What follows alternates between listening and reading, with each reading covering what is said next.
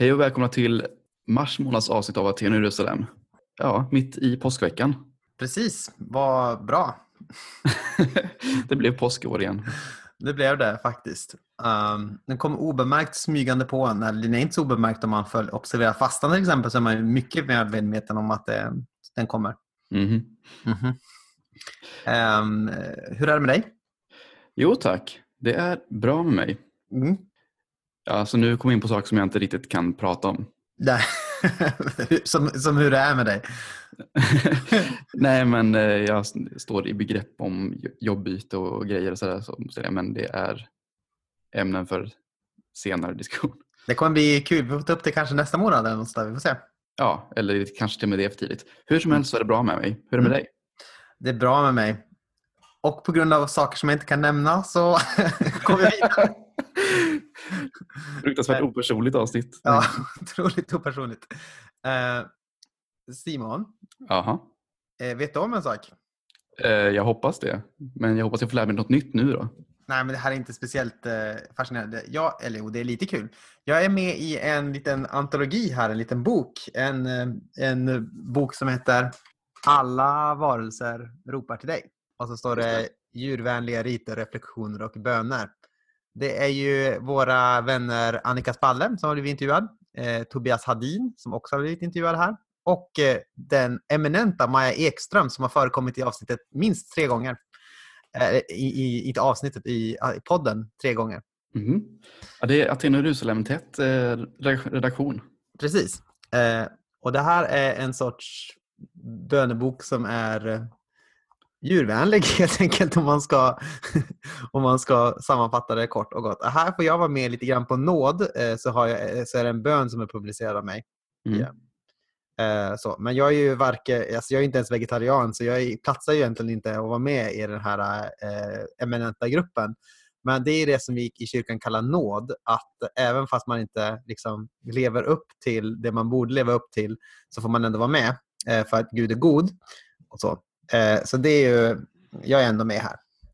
Än en gång kan vi glädjas åt att vi har ett språk för nåd, eller vi har ett språk för sånt. Ja, precis. Ehm, men jag har två extra eh, sådana här böcker, för eftersom jag är då författare eh, i sådana här luftcitat mm. så fick jag två extra ex. Så jag tänkte att vi kanske skulle kunna typ lotta ut dem till, oj nu, jag tänkte att vi kanske skulle kunna lotta ut dem till en lycklig vinnare. Eh, mina extra X. XX. Precis, men ja, absolut. Har du, har, har du kommit på något bra, något bra sätt att... Eller hur ska det gå till? Ja, jag vet, vad är tävlingen? Ja, jag tänker att man kanske skulle kunna typ dela det här avsnittet med mm. sina vänner på till exempel sociala medier. Eh, eller ja, men till exempel på Twitter eller på Facebook eller på vad heter Instagram. Det? LinkedIn. LinkedIn. Eller ja. mm. om man ska kunna så här, om man skriver ett brev eh, till en vän och följer instruktionerna där och tar kort på det och skickar det ett mail till oss så godkänns det också. Eh, men så här, eh, jag tänker att man kanske ska kunna dela det här avsnittet som vi har på gång här och så, så kanske man ska ha någon fräsig hashtag eh, som man skriver under med så att vi kan se det lite snyggt. Till exempel, vad skulle det kunna vara? Vad, vad, heter, vad heter boken nu igen? Alla varelser ropar till dig. Jag tar Aten, Aten och Jerusalem ropar på dig. Ja, Aten och Jerusalem ropar på dig. Det är ganska bra. Jag, tycker, jag gillar det. Mm. Så hashtag, alltså hashtag det är den här som vi kallar fyrkant förut när man hade en, en sån här gammaldags telefon. Eh, en sån fyrkant och eh, eh, Aten och Jerusalem ropar till dig i ett ord. Perfekt, då kan vi hålla koll på det. Precis. Då har du chansen att vinna den här boken. Ja, visst. Men eh, jag vet inte, kan du... Djurvänliga riter, alltså jag, jag, tänker mig att det här kanske inte är självklart för precis alla som lyssnar. ja, men det är det, det som är så bra då, att man kan vinna boken så har man ju möjlighet att liksom sätta sig in i det här. Men det här, vi, vi kan ta lite exempel här. Det finns lite olika eh, reflektioner.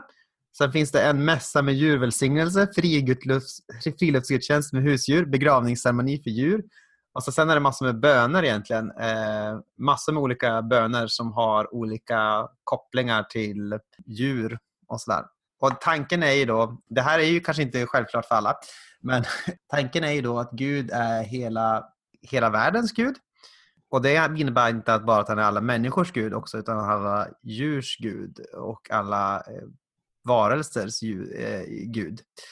Och därför så kan det vara, så är det här som en sorts motvikt, kanske man kan säga, att man vill mer ha böner som inbegriper en större del av den här världen som vi bor i än bara oss som bor i Sverige eller som är människor och sådär. Så det är väl det som är lite tanken så, typ. Och att eh, just på något sätt Precis, ni får läsa helt enkelt. Ni får, ni får se mm. vad, vad ni tycker. Så kan ni kanske börja en liten reflektion vad ni tänker kring det. Skriv ett blogginlägg eller något om det. Så kan ni sprida ordet om boken också. Det är jättebra. Mm. Har du några... Vem är det som vi ska prata med, Simon? Vi, har, vi har, ska prata med Ellen Wingren. Ja. Eh, Vem är hon då? Hon är en... Eh, alltså, vad, vad, börjar man? Hon gör ju lite allt möjligt. Hon är ju hon är lovsångsledare. Hon mm. är eh, ja, numera master i, i teologi. Mm. Eh, artist, låtskrivare, kreatör. Mm. Hon gör såna här um, prints också med Printoteket. Till exempel. Skriver musik i uh, duon Silver. Ja. Och som sagt uh, figurerat i olika lovsångssammanhang och sånt de senaste åren. Anställd på Akademi för ledarskap och teologi som numera heter. Hon sysslar mycket med kommunikationen utåt mm. numera. Precis. Hon är studieledare Campus Örebro och kommunikation. Det. Hon har då skrivit en uppsats då som handlar om eh, lovsångsledare och dess funktion mm. i lovsången och, och i den tjänsten. Så vi kommer att prata mycket om det, om låtskriveri. Fördomar ja. mot eh, lovsång och eh, vad, lite sånt. Va? Mm. Va, vad är egentligen en, en lovsångsledare? Vad gör den personen? Vad är det som pågår? Och vad är det som händer när man sjunger lovsång kanske? Är det någonting som händer? Eh, så det, det, är lite spännande. Det, det blir lite mer ett eh, vad ska man säga, andlighetsbaserat. Alltså vad, in, vad innebär det att eh, be eller att kommunicera med Gud? Ett sånt avsnitt, det blir kul. Mm. Vi pratar inte bara om Gud, utan vi pratar också med Gud. Mm. Tror vi. Yes, så det ser vi fram emot. Mm. Jag sitter och kikar här på... Det är lite kul, jag har en, lapp här, jag har en, jag har en liten lapp här bredvid mig ja. som jag liksom krafsade ner när jag var på jobbet häromveckan. Ja. Eh, Menar du att du har tid att göra annat än att jobba när du är på jobbet? Det händer. Mm. Jag menar, man hinner krafsa ner lite. Det är därför, men det är därför det ser ut som det gör. Det ser ut som ett scribbles of a madman typ. Eh, så eh, men det var ju för eh, häromveckan då. Mm. När, det började med att Socialdemokraterna gjorde ett litet utspel om att man kommer gå till val på att man vill förbjuda religiösa friskolor. Mm. Och då tog, eller just den veckan var lite speciell överhuvudtaget. Så, för det, dels var det blossade upp en stor diskussion om religiösa friskolor och, och, och i samma veva så eh, dog diskussionen om böneutrop, vara och icke vara igång. Eh, så det var en, eh, en ganska spännande vecka liksom med det här samtalet. Eller, detta med Sverige och svenskars förhållande till religion och religionsfrihet och vad det innebär. Skulle man kunna tänka sig att det är det normativt sekulära Sveriges dödsryckningar när man börjar eh, försöka lagstifta bort böneutrop och eh, religiösa friskolor. Ja, men något sånt där. Mm. Eh, något som var lite kul var att alltså, det var några dagar innan detta drog igång. Då hade Joel Hallor skrivit en krönika där han eh, rubriken var något i stil med efterlyser ett, ett vuxet, vuxet samtal mm. om religion. Mm. Och där han slår fast liksom att, att egentligen det här med att religion i allmänhet, att det finns egentligen ingenting. Det, det finns egentligen inte. Um, det är bara vi som fått för här att liksom religion, religion, är någonting som går att eh, liksom ringa in på ett mycket enkelt sätt. Bara det här är religion och det här är inte det. Och inte sällan då utifrån utgångstanken att, att Sverige är liksom i typ alla avseenden neutralt och även liksom när det kommer till frågan om religion. Mm. Så som sagt, när det här liksom samtalet drogs igång då om religiösa friskolor. För då hade då, då var det lite kul för att då var det just de här farhågorna liksom som eh, liksom de blottades liksom direkt på något vis. När det då dök upp massvis med människor som var så ah, men det där, eh, det, sånt här ska vi inte ha här. Eller det, sånt där kan ni, det där med religion kan ni syssla med hemma. Det hör inte hemma liksom, i, det offentliga. Våra, ja, i det offentliga, i våra skolor. Och det blir så intressant med tyckte jag, för då var det, det var något som eh, syntes både, liksom, både från vänster och, och från högersidan fast på, på, fast på olika sätt, fast, man, fast alla liksom landade i samma slutsats. Liksom. sagt, det började liksom på vänstersidan då med eh, civilministern Ardalan Shekarabi eh, säger att skolan ska vara en plats för kunskap, inte för religiös påverkan. Socialdemokraterna går till val på att förbjuda religiösa friskolor. Och sen liksom i samtal, eh, när han fick fler frågor på det här så är han en ganska anekdotisk bevisföring då på, eh, kring sin egen uppväxt liksom i, i Iran och hur, det, och hur det såg ut där. Och sen twittrade även LO då att, eh, att man vill skydda svenska barn från att pådyvlas en livsåskådning. Man ska skydda dem från indoktrinering. Mm. Och det är ganska kul att vänster säger att man vill ju skydda dem från indoktrinering. Då för att egentligen kunna bistå med sin egen indoktrinering. Mm. Och, sen på, och sen på högersidan blir det också samma sak där att, eh, att eh, det finns ingen plats för religion i ett, eh, i ett modernt liberalt samhälle. För här, här tillber vi, här tillber vi marknadskrafterna och vår inbillade frihet istället. Sa de verkligen så? Nej, alltså de här, de här tagsen har jag lagt på själv. Mm, på, på, på, vad är lite, lite taskigt själv vad tänker att de egentligen menar. Mm. Ja. Ja, men det är ju alltid en kamp, eller du, på något sätt så är det ju eh, som eh, vår eh, vän Bob Dylan skulle sjunga. There's no neutral ground. ja, lite, men det tycker jag var lite så konstigt för att det finns liksom redan sådana här sorters regler att skolor ska vara icke-konfessionella. Mm. Och eh, det här förslaget skulle liksom slå mot, eh, mot eh, många välfungerande skolor. Mm. Alltså det, det, är ju, det har ju det är ju uppenbart att det har funnits ett fåtal skolor där det har misskötts. Mm. Men då behöver man istället liksom hitta på eller komma fram till eh, regler som kommer åt den problematiken. Mm. Men att det här att religiösa friskolor i sig skulle vara något problem. Men det är, det är så märkligt när liksom det finns välfungerande skolor. Liksom, så, mm. ta typ katolska skolor som funnits här i 300 år och funkar bra. Mm. Eh, eller man tänker liksom att från början... Ja, man, mm. eller man tänker så att från början var, liksom, var alla skolor liksom, med religiös regi. Liksom, att det är liksom i det här, eh. det, det, religion är kunskapens, ja, om, det, om det nu finns någonting som är mm. religion. Mm. Men alltså, kristendom är kunskapens moder i Sverige kan man säga. Mm. Det är ju när vi blev, liksom, när vi blev kopplade till eh, en mer internationell kosmopolitisk kyrka som, vi börjar, som lärdomen börjar komma till Sverige kan man också tänka. Mm. Mm.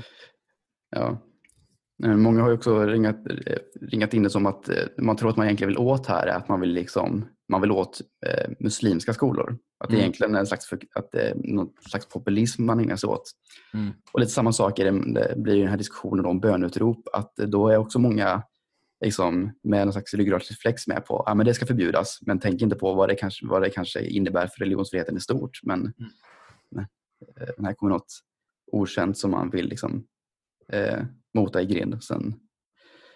Precis, för det, det, tänker jag ofta på. att det, Eller jag tänker inte ofta på det. det jag, jag, har tänkt på mm. att man i ett liberalt samhälle så måste man ha likhet inför lagen och så vidare.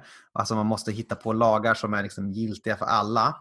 Så, och det innebär att man eh, på gott och ont aldrig, man kan inte särskilja någonting och stifta lagar Eh, som bara gäller en grupp utan då måste man försöka hitta på någon sorts allmän formulering och så. Jag tänker lite grann på det. Nu har vi, kommer man införa en lagstiftning på EU-nivå som innebär att det blir supersvårt att liksom lagra uppgifter. Man måste ha liksom så här, eh, skriven tillåtelse för att om man typ har en fikalista eller någonting så här, med namn på. Du kan ta kontakt med Gunvor om du vill hjälpa till med eh, kyrkfikat i höst. Hon har det här telefonnumret. Då måste du ha liksom en lapp eh, som du skriver, Gunvor godkänner att du använder hennes namn i sånt här, så här sammanhang. Du måste ha arkiverat. Och för allting, till, om du ska ha bilder så måste Gunvor ha skrivit på ett papper på det också. Så här, om du ska ha en bild på Gunvor i, liksom, i, på det här fika inbjudningsbladet och så vidare så måste man ha liksom, skrivna liksom, tillåtelse på allting egentligen.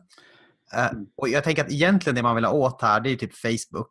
Eh, alltså det man egentligen vill ha åt det är ju att Facebook eh, kan ha psykologiska profiler, att man kan eh, liksom eh, horda mängd, mängder med data och liksom sälja det till tredje part. Men, Mm. de, de, men eftersom man måste ha en sån här likhetslagstiftning så drabbar det liksom eh, kyrkan. Som, och, och Google de kommer alltid klara sig undan. Facebook kommer alltid klara sig undan. Men det är liksom kyrkan på landet, men det är kyrkan som kommer gå und- eller det är kyrkor på landet som kommer liksom åka fast för det och betala böter. Ja, ja, det, är, ja, det är otroligt, otroligt stökigt sånt här. Ja, men, men, men, det, är sko- men det är skojigt. Jag, har, jag tycker att det var ett väldigt mycket sidspår. Förlåt. Ja, nej, men jag har, jag, det finns smarta människor som sagt bättre saker om det här, men eh, tro inte att jag bara har gnäll. Jag har också, jag har också en tvåstegsplan här. Ja, jättebra. Min tvåstegsplan är steg ett, erkänn din egen världsbild, din Mm. egen utgångspunkt. Och sen två då, det har att göra med att, att eh, egentligen vill ju både, både, från både höger och vänster så vill man ju claim, claima deras, eh, liksom, sina egna förslag som, som, som eh, att det är i någon mån liksom liberalt, att det är frihetligt. Mm. Men punkt två det är att vara fria eller liberala på riktigt, det vill säga låt alternativen finnas.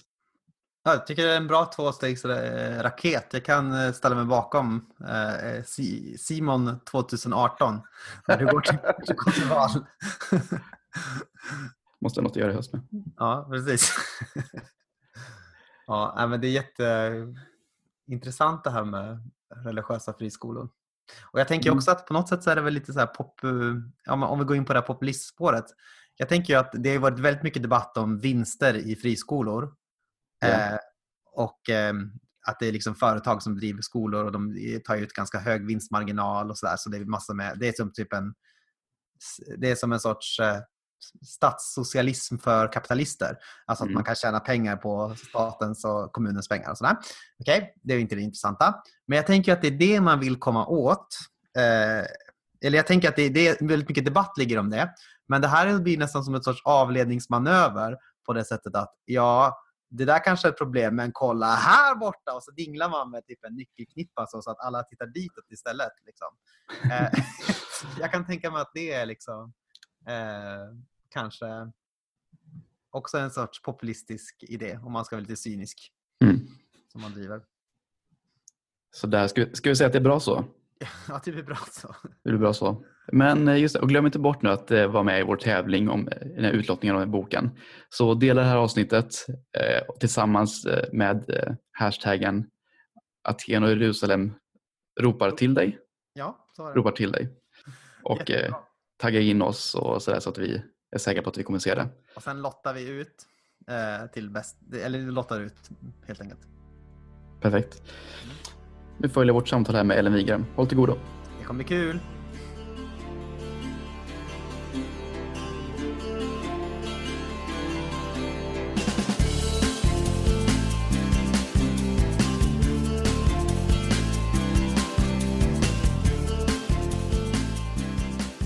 Hej och välkomna till Aten och Jerusalem. Med oss idag har vi Ellen Wingren. Hej Ellen, vem är du? Woho! Oj, Det Oj, så var världens det snabbaste introduktion tror jag. Faktiskt. Ja, men det var ju också världens gladaste introduktion. Du var så peppig så att jag liksom var tvungen att jubla. Vad härligt det var. Ja. Ehm, jag, är jag heter Ellen Wingren och jag bor i Örebro. Jag jobbar på Akademi för ledarskap och teologi och jag eh, finns i församlingen Mötesplatsen. Jag är frilansande illustratör tecknare och sångerska och artist kanske lite grann. Mm. Ehm, ja, bland annat. Vi, vi, vi kan bara droppa lite namn här. Vi kan droppa Printoteket. Vi kan droppa Silver. Vi kan droppa, ja, vilka vad ska vi mer droppa för någonting? Det är de jag kommer på just nu. Ja, det räcker med dem. ja. Mm. ja. A broken piece of broken bread är det också. Eh, om jag Just inte minns fel. Jo, visst. Det är ju, det är ju en rad ur en låt Mm. som jag har skrivit. Som, eh, som var i ett band som jag hade förut. Ja, precis det så är är jag också. Mm. Ja. Bruten. Va, va, liksom, du snappade upp den och tänkte att det är en bra beskrivning på den. Det var jättelänge sedan jag tänkte den meningen, men det är helt sant. Är det en bra beskrivning av dig då, Ellen?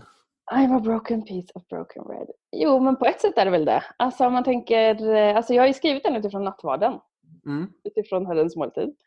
Eh, och skrev, jag vet inte om jag skrev den typ precis innan nattvarden på skolan på, eh, i Örebro. Då började jag skriva den. Och då tänkte jag på det här brutna brödet. Att liksom på något sätt så är vi fastän många en enda kropp. För alla får vi del av ett som bröd. Och att man liksom, om, vi, om man tänker sig att brödet är kroppen så är ju jag en del av det där. Ett sånt, en sån bruten brödbit. Och det är ganska fint. Mm. Mm. Fint. Du är- är ju lovsångsledare som du, som du nämnde och Mm. du har ju också skrivit en master om lovsång. Lite Om din, din, eh, din egna ingång i det och var, varför är lovsång eh, som uttryck viktigt för dig? Eh, oj. Mm. Alltså min egna ingång i masteruppsatsen är väl... ehm, Eller om jag tar först min egna ingång kanske i lovsång då. Mm. Mm. Så är ju inte jag som att jag... eh, Nej men jag är inte upp, alltså jag är uppvuxen i ett kristet hem men jag är inte uppvuxen så mycket med kristen musik. Jag är lite uppvuxen med Märta Svensson och lite så. Men annars är det så här mm, Nisse Landgren och Gloria Estefan och Mariah Carey typ. Det är liksom min, min uppväxtmusik. Eh, och jag är, inte, jag är liksom inte uppvuxen med så mycket kristen musik generellt. Och ehm, liksom hållit på med musik i kyrkan sedan jag var kanske, mm, jag vet inte, 11, 12, 13 någonstans. Eller egentligen tidigare för min mamma har dragit med mig på allt möjligt eh, eh, i kyrkan. och Så. Men jag skulle inte säga att jag, liksom, jag kom nog inte i kontakt ordentligt med liksom fatta så här, just det, lovsång är en grej som finns. Att man kan vara i bön och lovsång och man kan och inte egentligen ha det som så här, vi ska sjunga olika sånger i gudstjänsten utan man tänkte det som något annat. Så det kom inte jag i kontakt med egentligen och började så här, undersöka förrän jag var kanske runt så här, 19-20 kanske. Då började jag liksom kanske tänka på det ordet eller så. Och, eh, jag flyttade till Göteborg efter, några år efter gymnasiet och blev indragen lite sådär bakvägen. Jag frilansade lite då som sångerska och, ehm, i olika projekt och blev indragen via eh, bland annat Mattias Martinsson som drog med mig som är lovsångsledare. Eh, och liksom åkte runt i olika församlingar och, och ledde lovsång. Och på något sätt, han och Emanuel Sandgren och Gregory Helgestig och sådär eh, drog väl in mig lite bakvägen. Liksom. Eh, och jag tänkte nog från början att jag var med i bandet och körade lite mer sådär. Och blev mer och mer indragen i att kanske vi håller ju på med någonting här som inte bara är att musicera. Och det visste jag nog någonstans. Och hade väl också haft liksom, eh, erfarenheter av att det inte bara var solosång eller så tidigare när jag har lett musik i kyrkan i Kaxholmen till exempel där jag delvis är uppvuxen. Men eh, så vid ett tillfälle så skulle vi åka och leda lovsång på en konferens på midsommar så tänkte jag att det var en liten så här kyrka som vi skulle åka till som vanligt.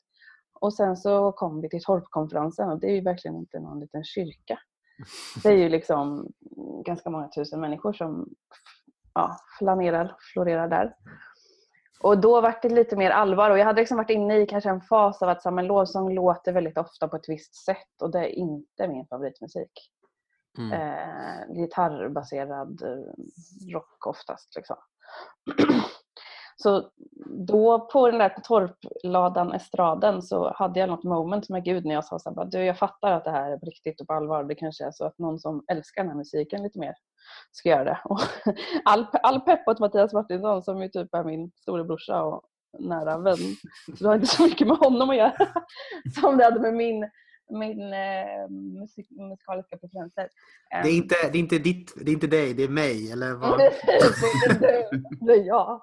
Nej, men och då var det lite så att jag sa så typ till Gud, så här, det är inte du, det är jag. Utan, nej, men bara, jag sa till Gud, så här, jag, kanske att någon som gillar det här lite bättre ska hålla på med det. Och eh, då upplevde jag typ hur Gud upp, utmanade mig och frågade mig så här, vad är kärnan i det här egentligen? Och jag har nog alltid varit en person som, när det gäller kyrkogrejer som jag inte begriper så har jag inte så här varit eh, jag har inte ställt mig vid sidan om och försökt begripa det. Eh, liksom till, eller stått vid sidan om tills jag fattar utan har mer så här, gett mig in i det djupare. Och det har nog blivit varit så jag gjorde med det här också. Att Gud har på något sätt lockat in mig via bön, via kreativitet Och att jag, det är så jag kom in i uppsatsen också. Eh, att egentligen bara undersöka vad är kärnan i det här? Vad är det vi håller på med? Och det har ju varit det som jag har, det är, liksom, det är main-grejen som jag har gjort i uppsatsen. Det är att intervjua åtta lovsångsledare eh, om vad de håller på med. Mm. Och för vi ger ju det väldigt mycket utrymme i våra gudstjänster, musik eh, mm. och inte minst lovsång. Och då tycker jag att det är rimligt att vi ställer oss frågan vad det är vi gör. Jag tänkte på en långt sak. Svar, långt Nej, men det var bra svar. Bra! ja. Jag tänker på en sak. När jag mm. var tonåring, då var ju ja. lovsång lite grann eh, både liksom eh, populärt och var lite grann i vanrykte så här. Att eh, ja, men det är någonting som är lite så här showigt, det är en viss sorts så här, eh, soft, eh, softrock-genre och det är lite så här eh, repetitivt och ytligt typ. Mm. Kunde man höra. Mm. Och då funderar jag på, alltså vad tror du, varför tror du att den har, liksom har fått det här ryktet, eh, lovsång? Eh, så. Ja, men det är väl delvis för att det är sant. Eller? Ja. Nej, men, och sen delvis så är det väl kanske för att, eh, ja, men just för att vi hakar ibland upp oss på, ja, men, jag är liksom att, att, att lovsången skulle framförallt vara en del av församlingens musikliv och inte en del av församlingens böneliv. Och om man skulle tänka sig att lovsången var en del av församlingens böneliv så skulle vi nog ställa lite andra frågor eller framföra lite annan kritik och kanske den kritiken som man vill framföra kanske man skulle framföra på ett annat sätt. Och, mm. um, så alltså det, är ju, det tycker jag är liksom lite en knäckfråga i så här, hur ser vi det, vad tänker vi att funktionen är? Mm. Och lite baserat på det, vad blir viktigt då? Um, Just det. Ja, precis. Och det är väl en av de stora liksom, eh, det är väl det du landar i tänker jag i uppsatsen ganska mycket just det här att det här är inte det här är inte egentligen musik i första hand på ett sätt utan det är mm. någonting annat som pågår. Liksom. Ja. Eh, ja. Som man använder musiken till. Mm. Och jag tänker ofta på det att det är lite så här ytlig kritik tänker jag. Eller för att till exempel folk kan ju älska TC-sånger som är typ världens mest repetitiva sånger. Mm. Eh, men man älskar dem ändå för att man ser det som en sorts bönefunktion kan jag tänka. Men exakt. Man, ja. man tänker ju på TC mer som liksom meditation och bön, inte som ja. livets mest musikaliska upplevelse, även om det är mm. vackert. Mm. Liksom. Det finns ju människor som tycker att eh, den liksom, Coldplay-rockiga lovsången är det bästa de någonsin har hört. Ganska många. Men Coldplay har ju, har ju slagit asstort. Det är inte alls konstigt att mycket lovsång låter så. Mm. Um, eller att det, liksom, det är konstigare tror jag att när den inte följer med um, när vi arrar, liksom, om den inte skulle ligga kvar helt i något uh, ja, nu tappade jag tråden lite här. Men, nej, men man skulle inte, man skulle ju inte, alltså om vi faktiskt såg lovsång som bön, då kanske vi inte skulle heller, som du säger, haka upp oss liksom på det låter på ett visst sätt. Alltså man skulle inte, precis som mm. man inte kritiserar TC för att bara, ja, måste ni sjunga den här låten? så sjukt många gånger samma. 40 gånger samma strof. låt! Byt, byt låt! Det, men det, liksom, det tillhör hela det sättet att be. Inte en laudate omnes gentes till! ja, men precis. Ja, men då vet man så här, okej, okay, det är den här grejen som jag går på och då funkar ja. det så här. Liksom. Mm. Och vi har, vi blandar upp liksom, ja, men som i, i vår församling så ibland så har vi C-sånger och då använder vi det också så här, ja, men kan vi ta in den här bönen för den passar? Eller äh, man liksom letar böner för tillfället. Det är, alltså, är supermycket funktionsmusik. Alltså vad som, mm. vad som funkar i den, liksom, det sammanhanget där det är fött. Just. Så här, hur kan vi be tillsammans? Ja, men så här kan jag göra ett bra sätt. Ja, kör. Mm. Och det är ju så lovsång har uppstått också. Hur kan vi be tillsammans? Hur kan vi liksom komma åt den här intimiteten som vi längtar efter. Ja, men vi skriver enkla sånger och så, som är enkla att spela. Många kan både sjunga med och spela med. Mm. Vi kör. Men sen är det ju så att ganska många människor tycker att lovsångerna är svåra faktiskt på riktigt att sjunga med i. Precis som yngre människor tycker att det är svårt att sjunga äldre psalmer. Att man tänker att melodispråket är lite snårigt. Och det kommer ju från liksom båda håll. Precis, de det tänker inte... man inte så ofta på man har gått från den här, är det, ja, nu, jag kan ingenting om musik, men jag kan låtsas. Men. jag tänker mig att det finns väl den här, liksom, den här lite mer släpiga soul-sättet som vi har, som vi sjunger i all modern musik, eh, kan ju inte äldre personer sjunga till exempel. Uh, Nej, men det finns ju massor med liksom nutid, nu, nutida, säger man, nutida musik som är svårt för eh, ja, men både äldre människor eller människor med andra kulturer, precis som det är svårt för oss att sjunga med i Mm. liksom, andra tonspråk eller äldre tonspråk. Det, det är inte så konstigt eh, egentligen. lite konstigt. Ja, men det är ju inte så konstigt eftersom det förändras liksom hela tiden. Och då bara, vänta Ja. nu har jag, det är så här jag har lärt mig sjunga, så här ska melodier gå. Och sen bara, va? Sen kommer en låt och så, det här, vad är det här för melodier? Jag har jättesvårt att sjunga med. Mm. Alltså, det är ju som att vi skulle haka på en, någon liksom, arabisk folkmusik. Mm. Eller något som har helt andra taktarter eller ton, liksom, eh, Helt annat tonsteg. skalor. Ja men precis, då bara hoppsan. Bara slira runt där. precis. Ja, nu var det lite om musiken då, men eh, Ja, Men det är i alla fall. musik är inte oviktigt. Nej. Jag tänker på det här med din, din uppsats igen. Den heter eh, Lovsångsledaren, en prayer intercessor. Mm. Och du har liksom intervjuat då en, en mängd lovsångsledare. Och Ja. det som är intressant då att, att lovsångsledaren verkar liksom på något sätt då framträda som en intercessor. Någon som hjälper till att förmedla Guds närvaro liksom som en förebedjare eller en profetisk figur. Eller hur skulle du förklara detta? Vilken roll har lovsångsledaren? Ja, men det där tycker jag är väldigt spännande att du använder ordet förmedla. För då hamnar vi tillbaka i det där som jag tänker att de försöker säga att de inte gör. Mm. Eh, att de menar ju att de, de, det, är liksom, de är ingen... eh, De, de använder ju ord som är lite förvirrande för att det, det är också en grej med uppsatsen och med eh, materialet, alltså intervjumaterialet, att de har svårt att hitta ord för det. Men jag skulle nog säga att de inte förstår det så att de förmedlar typ som att Gud kommer till dem och sen ger dem vidare Gud. Mm. Utan att precis som vi tänker kanske i förbön, så alltså vi ber för någon men det, är egentligen som, det som vi egentligen önskar är ju att Gud ska möta personen direkt. Mm. Eller det är det vi tänker. Fast det är ju fortfarande, är, är ju fortfarande eh, det är ju på något sätt att Gud möter en direkt fast det är ju fortfarande genom en person när det är förbön också tänker jag, eller? Ja, men på, jo, men det är ju lite både och. Liksom. Ja. Men det är inte det här prästerskapsförmedlandet. Nej, Det tänker jag är skillnaden. Alltså så här, att det, inte, det går inte att få tillgång direkt. Mm. Det är det som kanske är skillnaden mellan att en förebedjare ber för en eller att en präst måste be för att det är bara prästen som, vad det nu kan vara. Precis, det har inte att göra med, eh, ska man kunna skilja det med att det inte har att göra med typ eh, det har inte att göra med då en specifik persons smörjelse eller vad man ska säga utan, Nej, utan snarare på något annat sätt plan.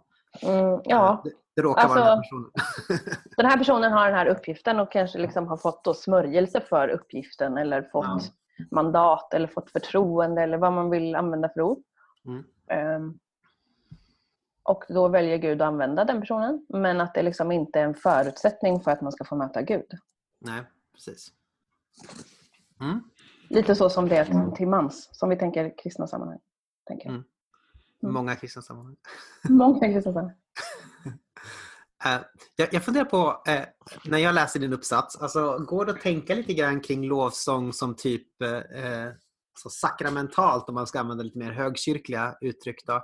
Mm. Alltså, Gud, Gud är alltid närvarande överallt, eh, men Gud blir på något sätt så här, särskilt närvarande i vissa moment på något sätt. Han tar sig en kropp i dop, i nattvard och så vidare. Mm. Eh, skulle man kunna tänka sig att, att eh, det de försöker uttrycka med lite så snubblande uttryck är att Gud på något sätt, ja inte vet jag, förmedlas genom toner och ord, alltså tar sig kropp i lovsång eller så. Alltså det tänk, skulle säga, liksom, det är någon slags nyansskillnad där vi jobbar med. Men Mm. det som de uttrycker är ju mer att lovsången skapar ett rum. mm. Eh, ska- än att, hur- än att Gud det? bor i en ton. Men det är ju så här, de säger ju också så här, ja, men Gud uppenbarar sig Mm. i musiken. Eller, och det skulle man väl kunna säga, Gud uppenbarar sig i brödet och vinet kanske. Eller Mm. Gud... Eh, det är ju ingen som använder ordet sakrament, men det finns ju en...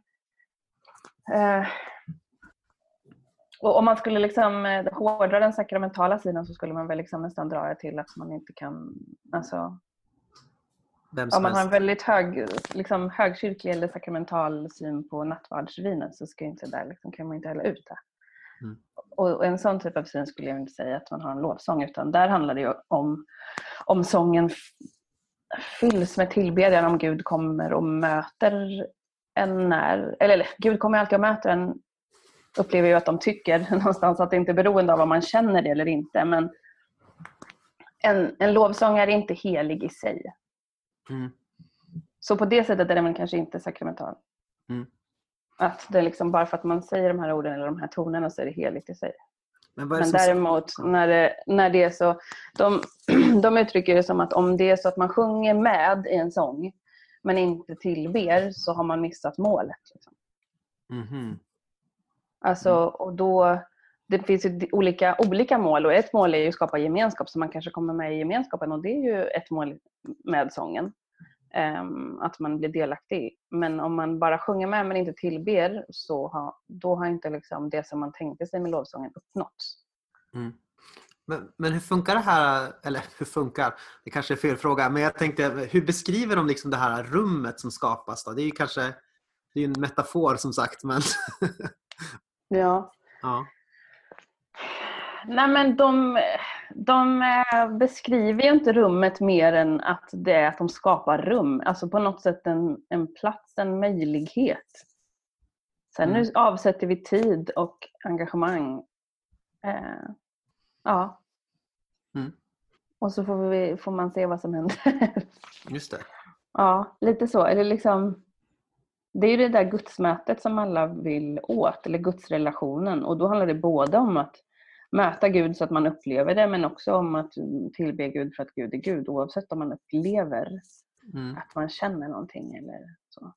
Mm. Så det rummet, eh, för det som också märks i uppsatsen är just att det så tydligt liksom finns en eh, balansgång mellan det kollektiva och det individuella. Så därför så eh, aktar de ju sig för att säga för mycket om hur det är generellt. För att det är också individuella upplevelser såväl som församlingens upplevelser. Mm. Så, men jag har ju inte frågat egentligen de som deltar i lovsången vad, hur de upplever det. Nej, Ehm, så, och det är ju någonting för vidare studier. så. Mm. Del två. Del två. Precis. Alltså det finns ju mycket av det här. äh, Det finns ju någon sorts ordlöshet kring det här med lovsång, kring lovsång tänker jag, som ut, Ja. ledaren ger uttryck för. Mm. Och ett uttryck som återkommer väldigt ofta i, lo- i din uppsats är ju det händer någonting. Eller det händer ja. något. Ja. Uh, och, eller jag, jag undrar liksom bara om du skulle eh, få tillåtas att, eh, att fundera lite kring vad tänker du att den här liksom ordlösheten eh, är uttryck för? Mm. Eller det här någonting som händer? Mm. Du menar ur min egen personliga, om jag ska liksom spekulera? Du får spekulera lite grann för det där. Mm. Du behöver inte, Eh, det, precis. Ni ja, låtsasledare som lyssnar, ni behöver inte ta åt er om det Ellen säger nu. Håll för öronen. Nej. ehm, vad skulle jag säga att ordlösheten beror på? Det är det som är frågan. Ehm, Mm. Ja. Det? Men det, jag, tror, jag tänker att det är just den där...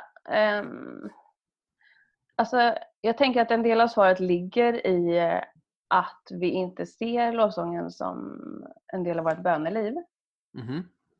utan en del av musiklivet. För då blir det lite mer så här, vänta det här händer i musiken. Och då, men å andra sidan vet jag inte om vi är bättre på att uttrycka vad som händer när vi ber. Mm. Ehm, så det är väl, det är väl liksom en så här grej att vi pratar om lovsång som en del av vårt musikliv och hakar upp oss på andra frågor än just det, vad det är som händer.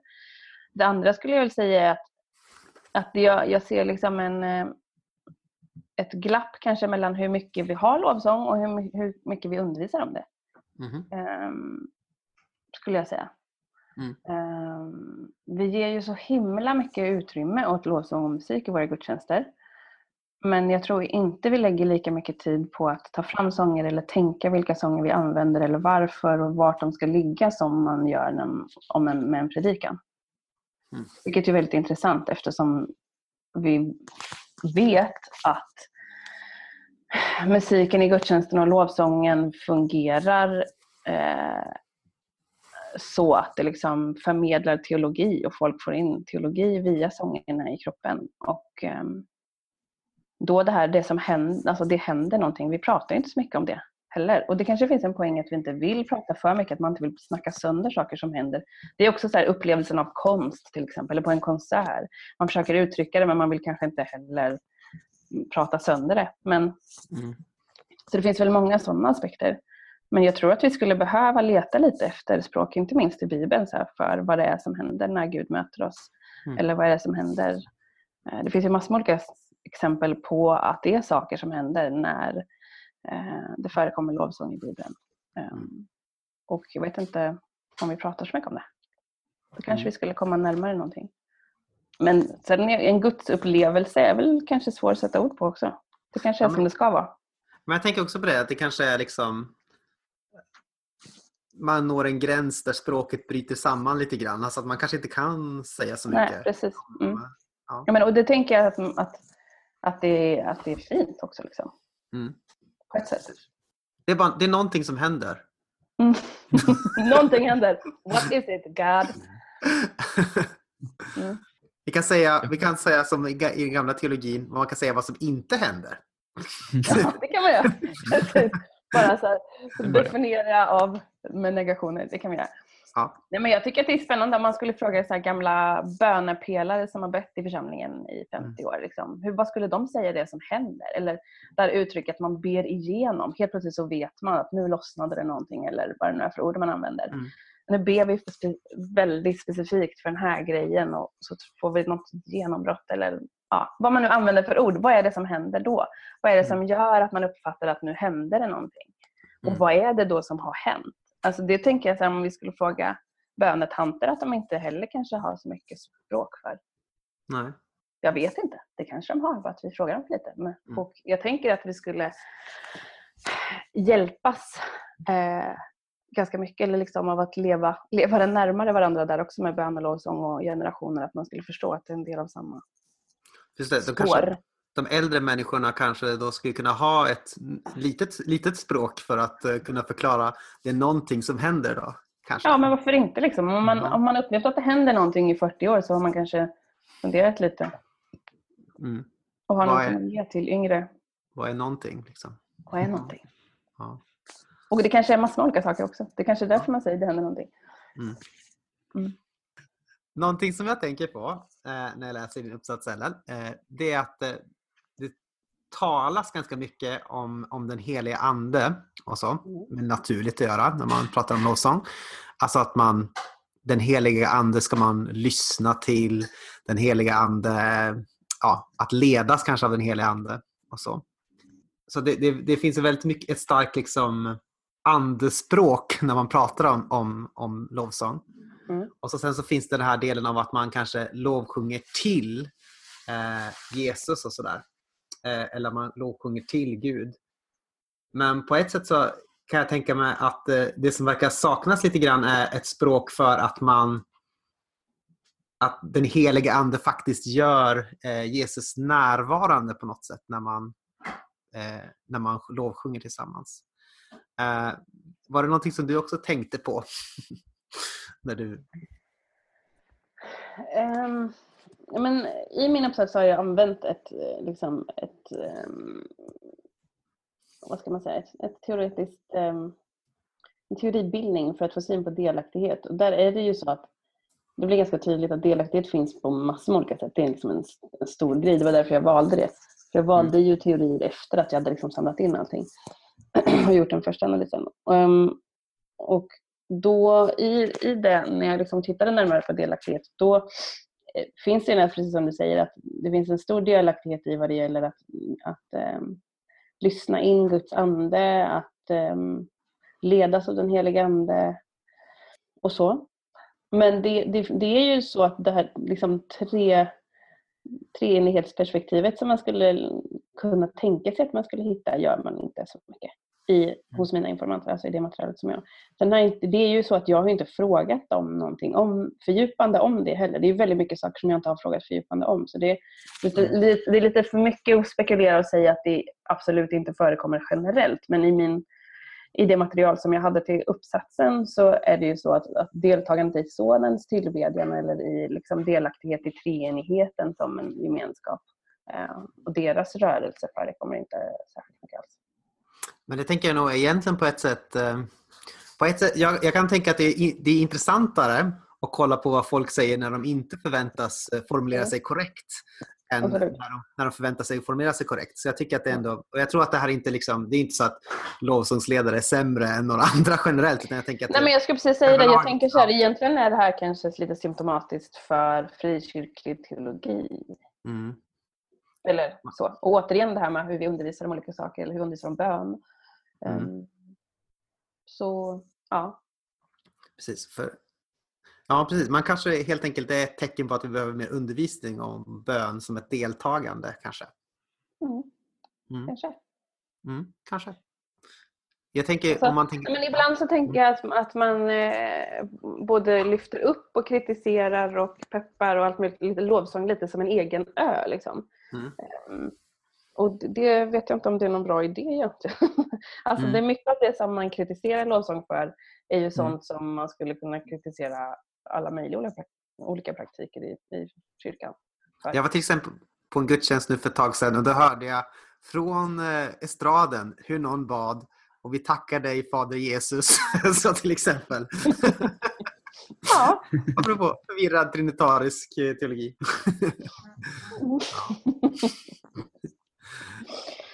Fadrande Jesus. ja. Ja. Nej, men det, jag bara tänker att man ska försöka tänka lovsång som en del av församlingens liv och då är det ju så att vi har gemensamma utmaningar. Mm. Ja, precis. Att man kanske behöver det här... Um, jag kan också säga, jag tänker hela tiden på, jag är inte så här, jag, jag tänker på nattvarden hela tiden på något sätt. När jag läser din uppsats för att jag tycker att den ändå är intressant. Att jag, okay, de, kanske inte tycker att det, de kanske inte tycker att det är förmedlande men jag tycker att de uttrycker ett språk som är förmedlande mm. hur som helst. Uh. Men de, de, tycker nog säkert att det är, alltså, eftersom ja. de använder att lovsång är som bön och förbön så i den mån så tänker de nog det. Det är en viss, en viss, på viss grad förmedlande. Liksom. Mm. Men och då tänker, mm. Och då, och då tänker jag liksom på typ epiklesen när man ber, om, alltså när man ber över nattvardsgåvorna. Man ber att den helige Ande ska komma över bröd och vin och sådär. För att göra Jesus närvarande på något sätt. Och ibland kan jag tänka mig att vi kanske har... Eh, alltså där är det på något sätt att Gud är alltid närvarande men han blir på något sätt speciellt närvarande där. Och jag kan tänka att vi kanske på något sätt har fastnat eh, i vår tradition i en så ständig epikles. Att vi bara ber om den helige Andes närvaro men aldrig att det liksom ska blir deltagande i Jesus på något sätt. Du ser förvirrad ut av min utläggning. jag vet inte vad jag ska svara på det. Ja, så kanske det. Ja, kanske. Jag vet inte. Det var bara något som jag kom att tänka på i samband med att jag läste. Det kan man alltid säga när man pratar med Anton. ja, så kanske det är. Ja. Så man vidare.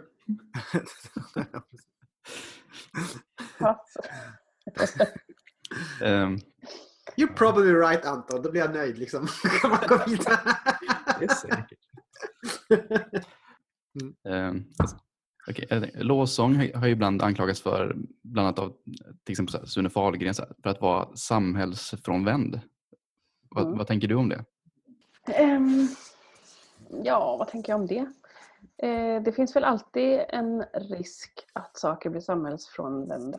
Um, och jag tycker att det är lite eh, vanskligt kanske att kritisera eh, lovsång så specifikt för någonting för att det hinner hända så himla mycket. I alla fall om man liksom baserar det på så texter.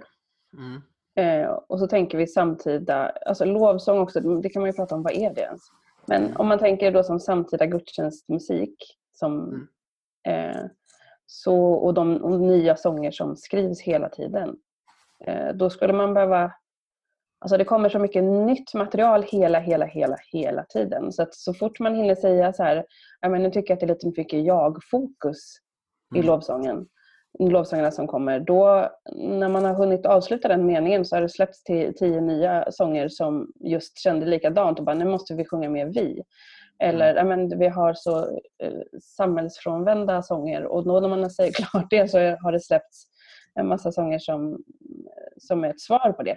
Så det är lite svårt att säga så liksom generellt, eh, i alla fall över tid. Mm. Men sen kan man ju säga att just nu släpps det mycket sådana här sånger. Eller så här. Och, men just det samhällsfrånvända, jag kanske snarare saknar eh, mer sånger av ja, men, eh, ett missionellt perspektiv ofta. Um, ja, hur skulle, vad, vad skulle det kunna vara till exempel?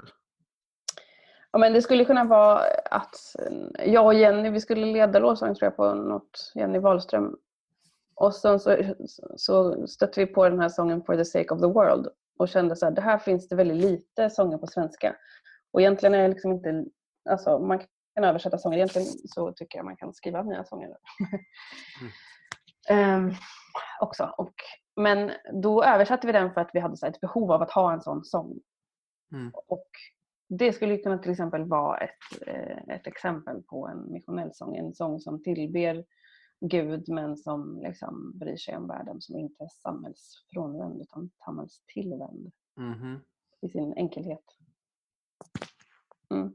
Så det kanske är någonting som jag saknar men, men det är också så här återigen det här med liksom att tänka att lovsången ska vara en egen ö. Det är ju inte så att allt ryms i en predikan eller allt ryms i en bön eller allt ryms i nattvarden eller allt utan man tänker sig då lovsång i första hand som nu är det liksom lite blandat men om det, man tänker sig att det är en del av, av gudstjänsten så behöver ju inte lovsången rymma exakt allt i hela världen utan det delar liksom hela gudstjänsten på. Mm.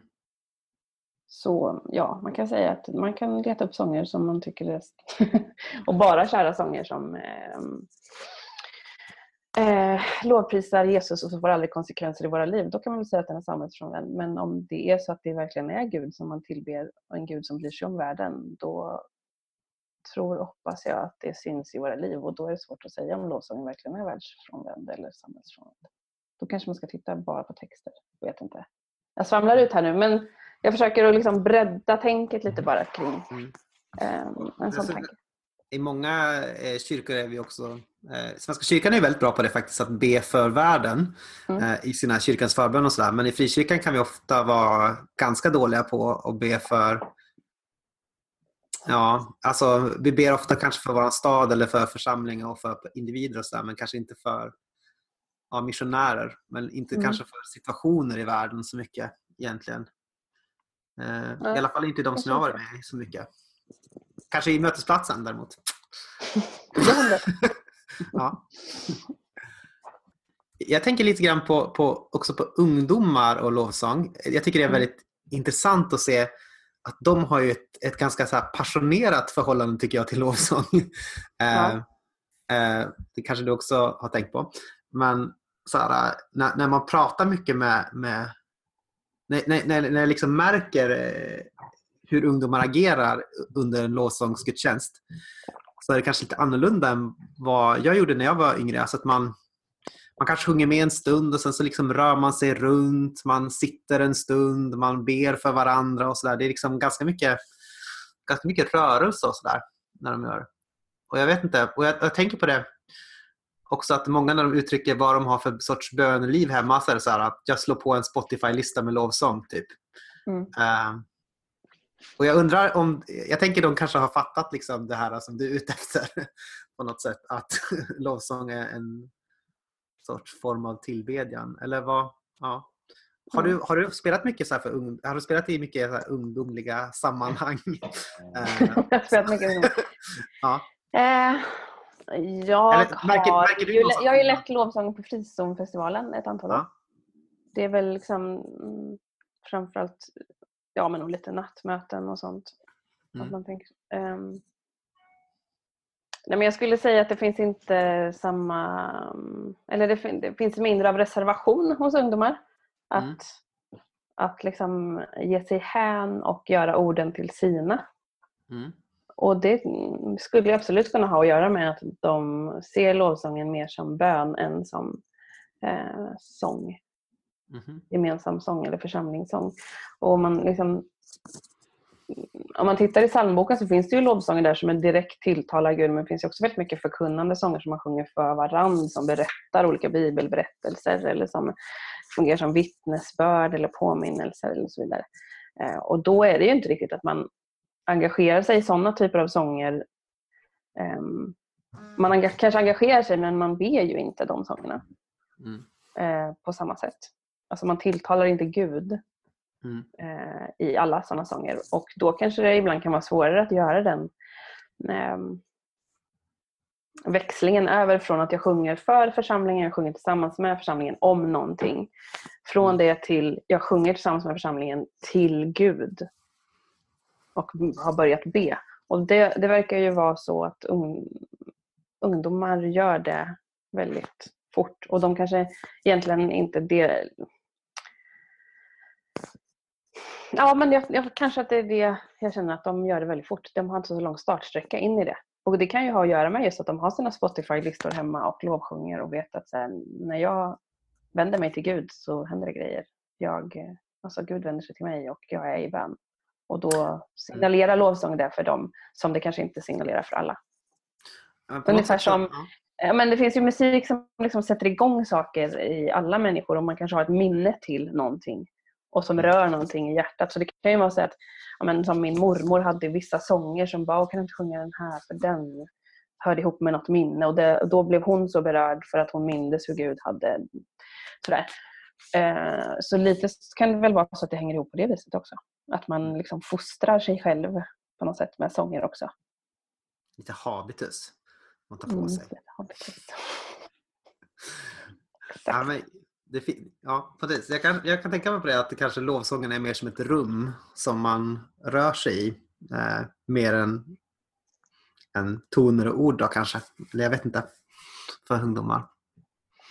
Om vi ska Ja, uttrycka oss i lovsångslederskiska. Mm. ja. Hur, eh, hur går det till när, när du skriver lovsång?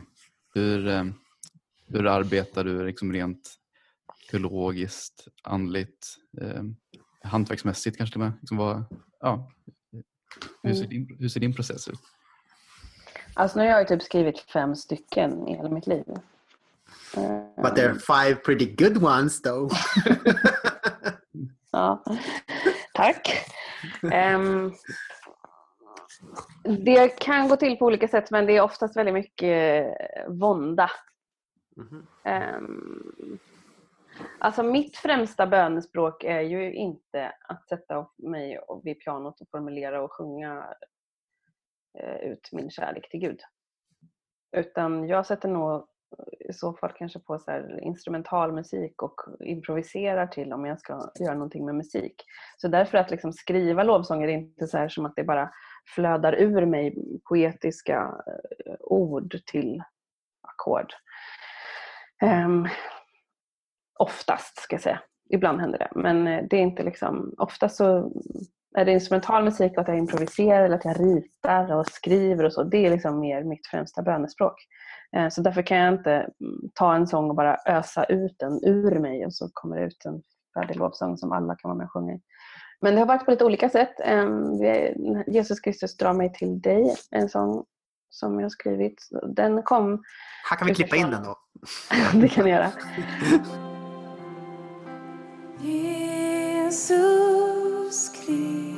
Kristus, dra mig till dig. Jesus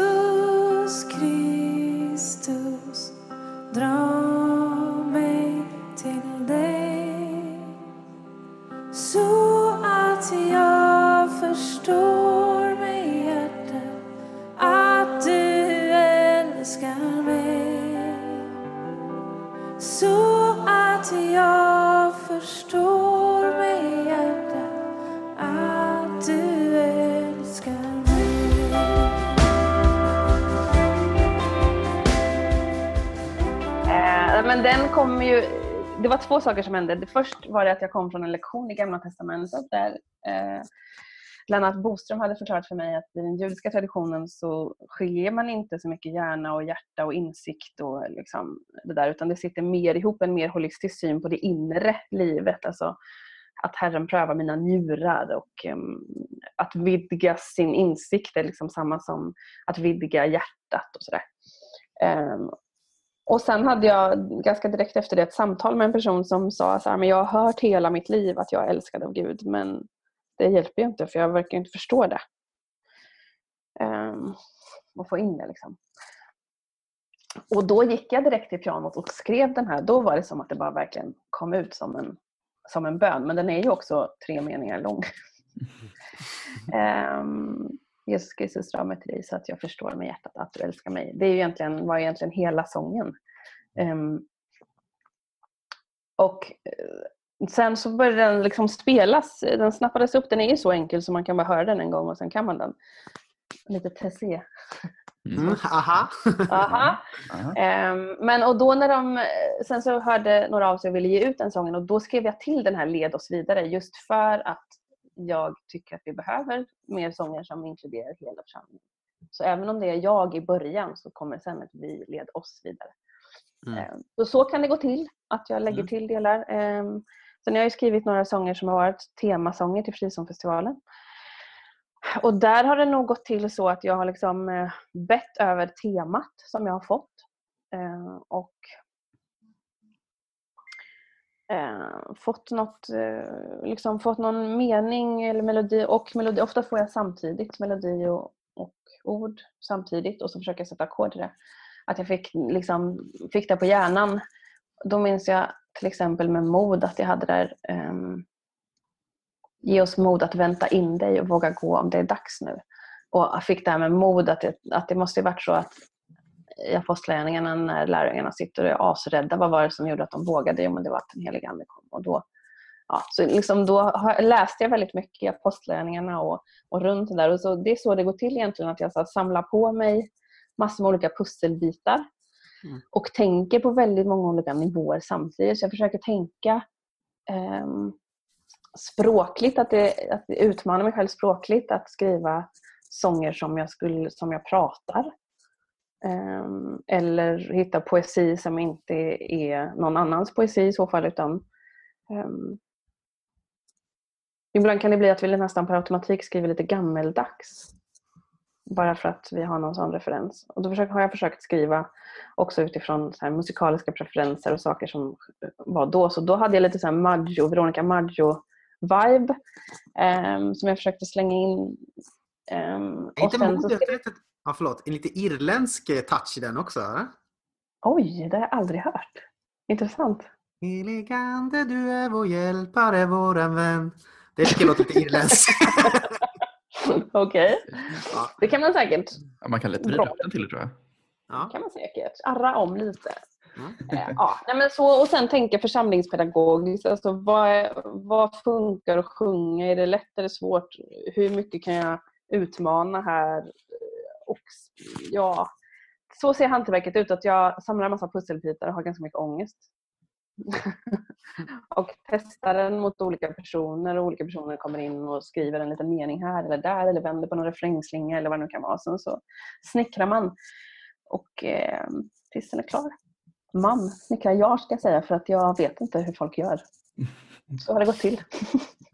Ja. När jag skriver annan musik som är mer liksom min ja, musik till Silver eller andra låtar, då är det mer ett överflöd av känslor. Kanske. Mm. Och att, det, att jag i efterhand fattar, just det, så här kände jag nog då. Eftersom det var så jag skrev. Men är det, är det, skulle du säga att det är en um, det är en jobbigare process att skriva lovsång än att skriva annan form av sång? Absolut. Ja. Nej men definitivt. Alltså när man måste, när man måste räkna med att den här sången som jag skriver nu, Mm. om, om den kommer sjungas av någon annan än mig så måste jag också vara medveten om att det, när det nu är så att lovsång är med och formar människors teologi och man sjunger in saker i sin kropp om vem Gud är, om vem man själv är, om hur världen ser ut. Och när det faktiskt är bön som är så formativt, Mm. eh, då har man ju ett helt annan, en helt annan börda Mm. än om det, det är bara jag som behöver stå för det här och jag kanske bara sjunger hur jag känner. Jag behöver inte stå för att jag, sjung, att jag känner så här ens när jag sjunger det. Men om man formulerar en bön för någon som är så formerande, då det är jättejobbigt. Det är en förmån såklart, men det är ju fantastiskt jobbigt. Mm. Ja, tycker jag. Men man kan ju prova så här och försöka skriva en bön som man tänker, okej, hela vår församling ska kunna säga den här bönen med en mun och det ska, den ska vara liksom bärare av god teologi, det ska flyta på bra, det ska kunna hålla i eh, egentligen en evighet. Mm. Varsågod Det är- och skriv den. känns jobbigt nu Ja. när du säger det sådär. Ja, exakt. men, men jag tänker på det att ehm, ehm, mycket av den här lovsången som folk har vänt sig emot är ju sån här Jesus is my boyfriends te- eh, texter. Liksom. och jag älskar dig, ett enkelt kärlekssång till dig och så vidare. Ja. jag funderar på det, är det inte liksom en allmänt i Sverige kanske en sorts eh, teologisk fördjupning mycket i, lovsånger? Alltså det har skett en, en, en ganska stor fördjupning i textmässigt. Och så. Eh, Och så. Jag vet inte. Ja, kanske. Alltså, kanske att man att man har börjat reflektera mer. Jag vet inte. Men eh, det där går väl kanske lite upp och ner. Jag vet inte om man kan säga så generellt. Men alltså Hillsong till exempel som ju står för ganska mycket, och även nu i Sverige när det översätts mycket. De är väldigt noga liksom, med att dra alla sina låtar genom teologer, precis som jag är också. Mm. Alltså att jag alltid bollar det med andra teologer och pastorer och så. Och det eh, vet jag ju att pingstskivorna som har släppts att de också har gjort då att det kanske Mm. är så att det successivt, vi har ju vi har i alla fall börjat skrivas mer sånger i Sverige på sistone. Eh, Och att inte bara ha översatts och eh, det tycker jag är jättekul och då tror jag också att man kanske har sneglat på USA även där. Att man Mm. har tagit inspiration av att faktiskt ehm, pröva dem teologiskt. Men när det, jag tycker att det är också intressant det här med Jesus is my boyfriend. Jag tycker också att det är en, en intressant grej att för jag tror också att vi har ett problem där. Alltså det säger någonting om att vi kritiserar det och det är ju att vi har ett problem med intimitet. Mm. Som jag tycker är intressant.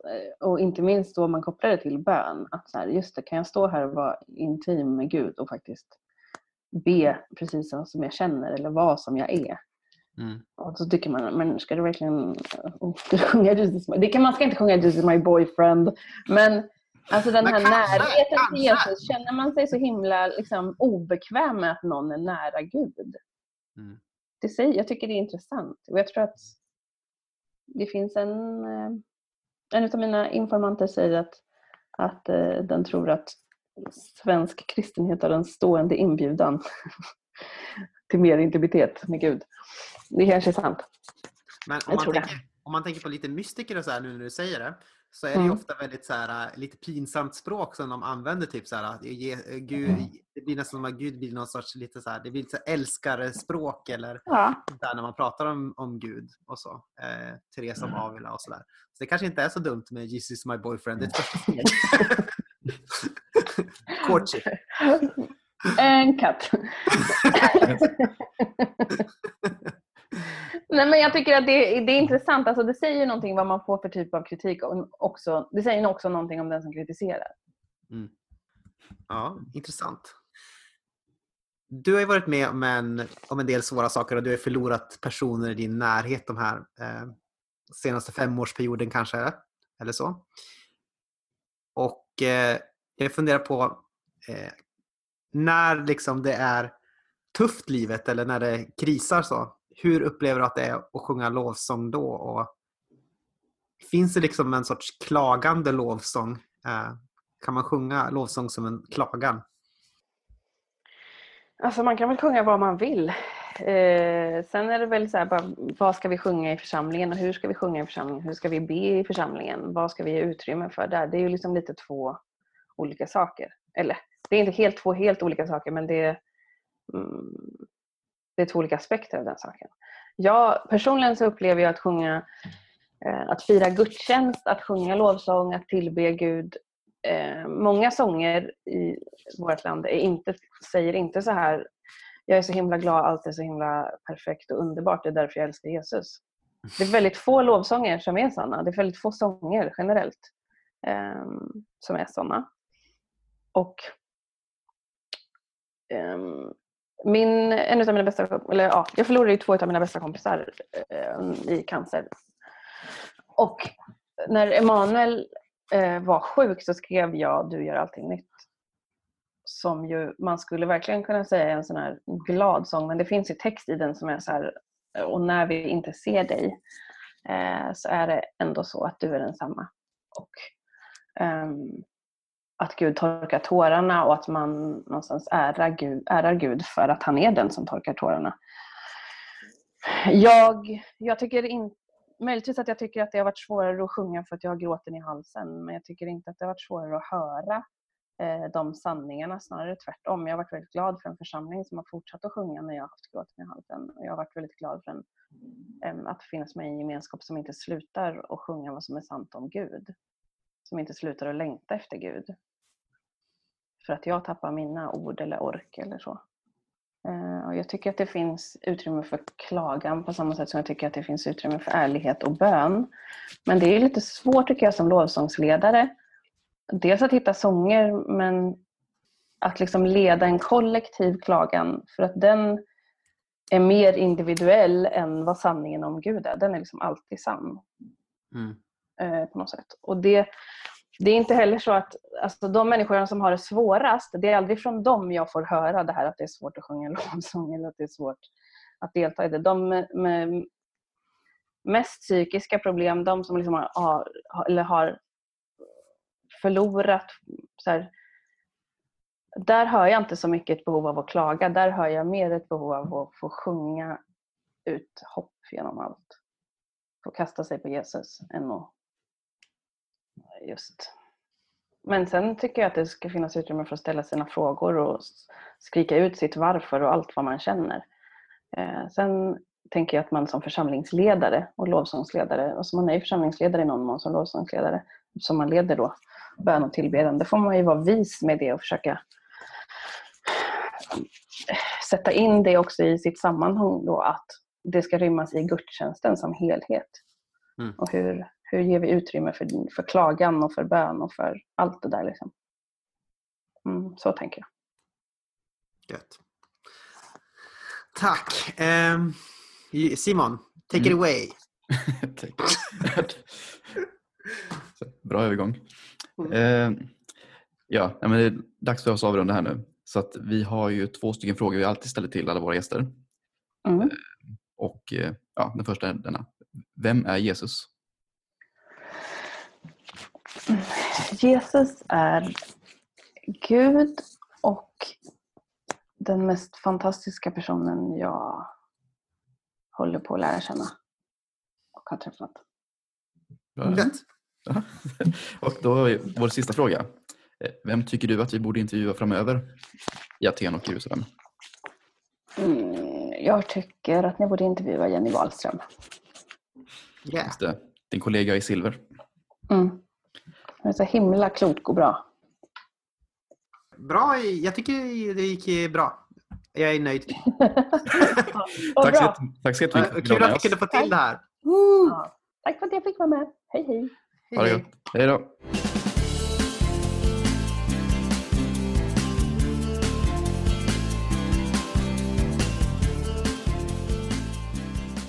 Tre, två.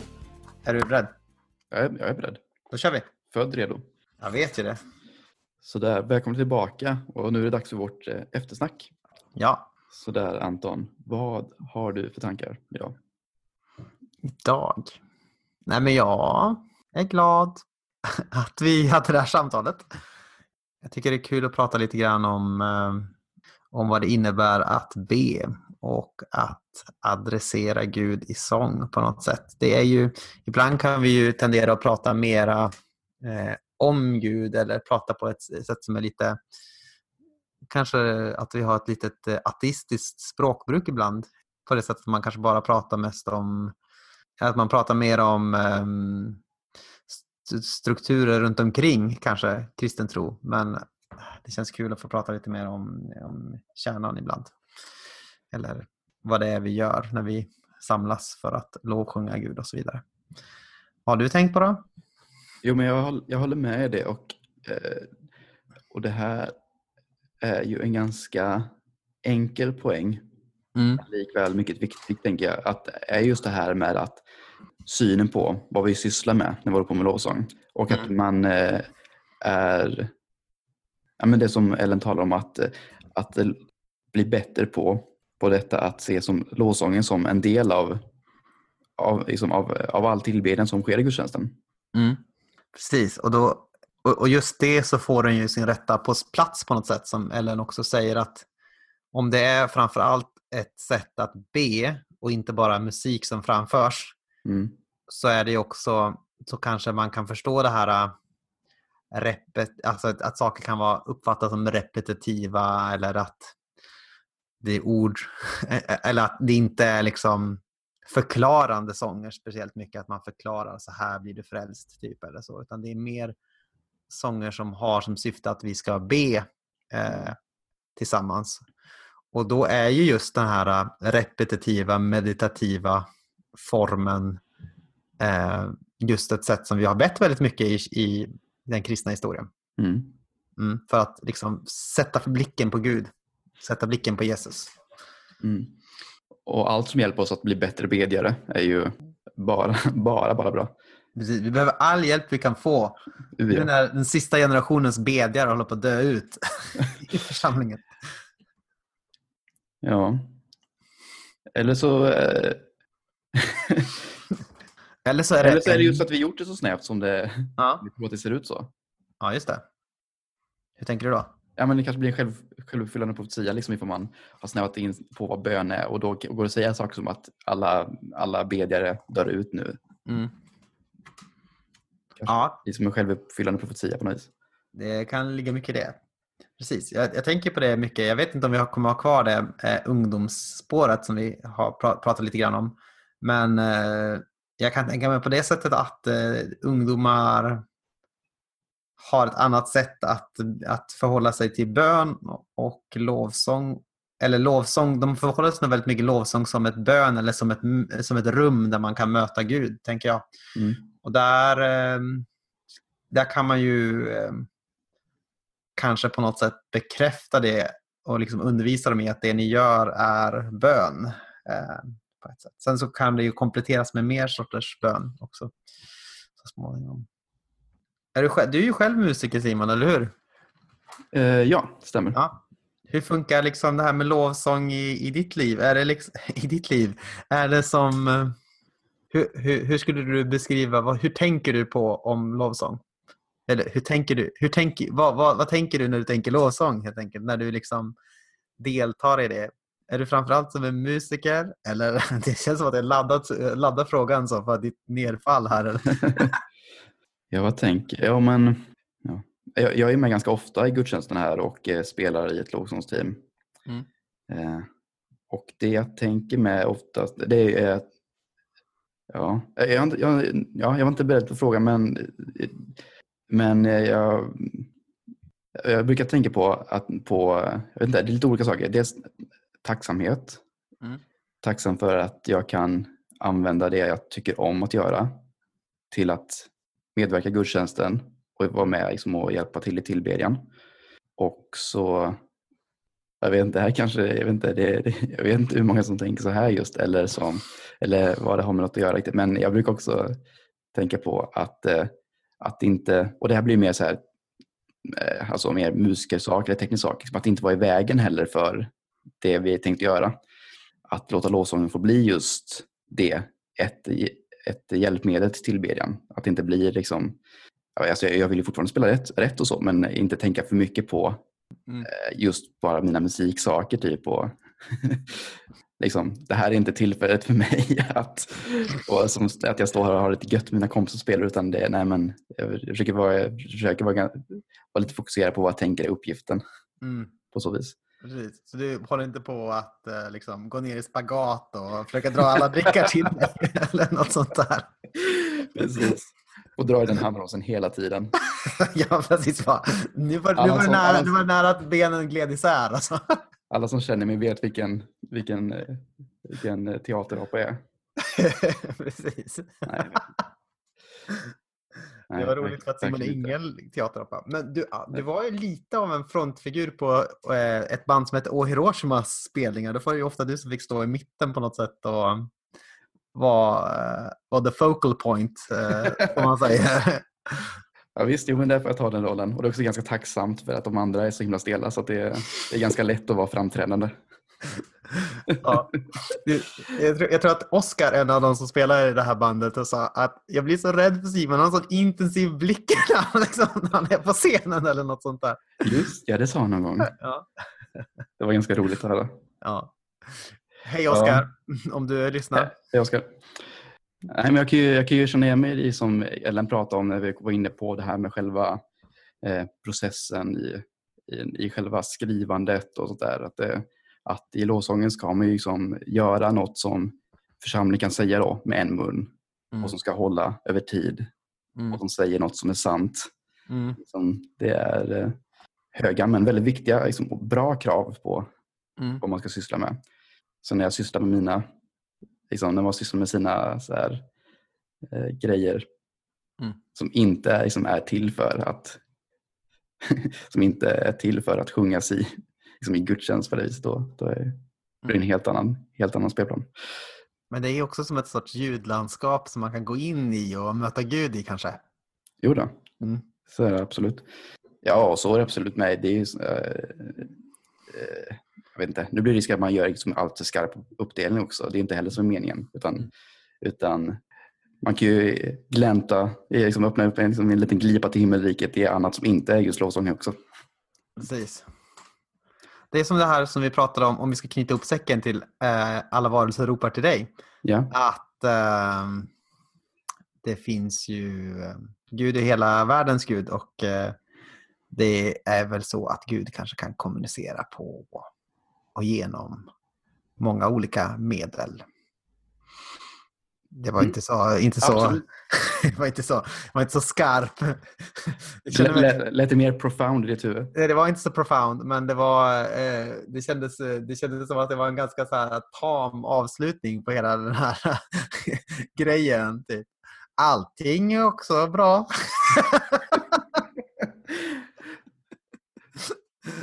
Det, det, det är ord att minnas vid. Liksom. Allt är också bra.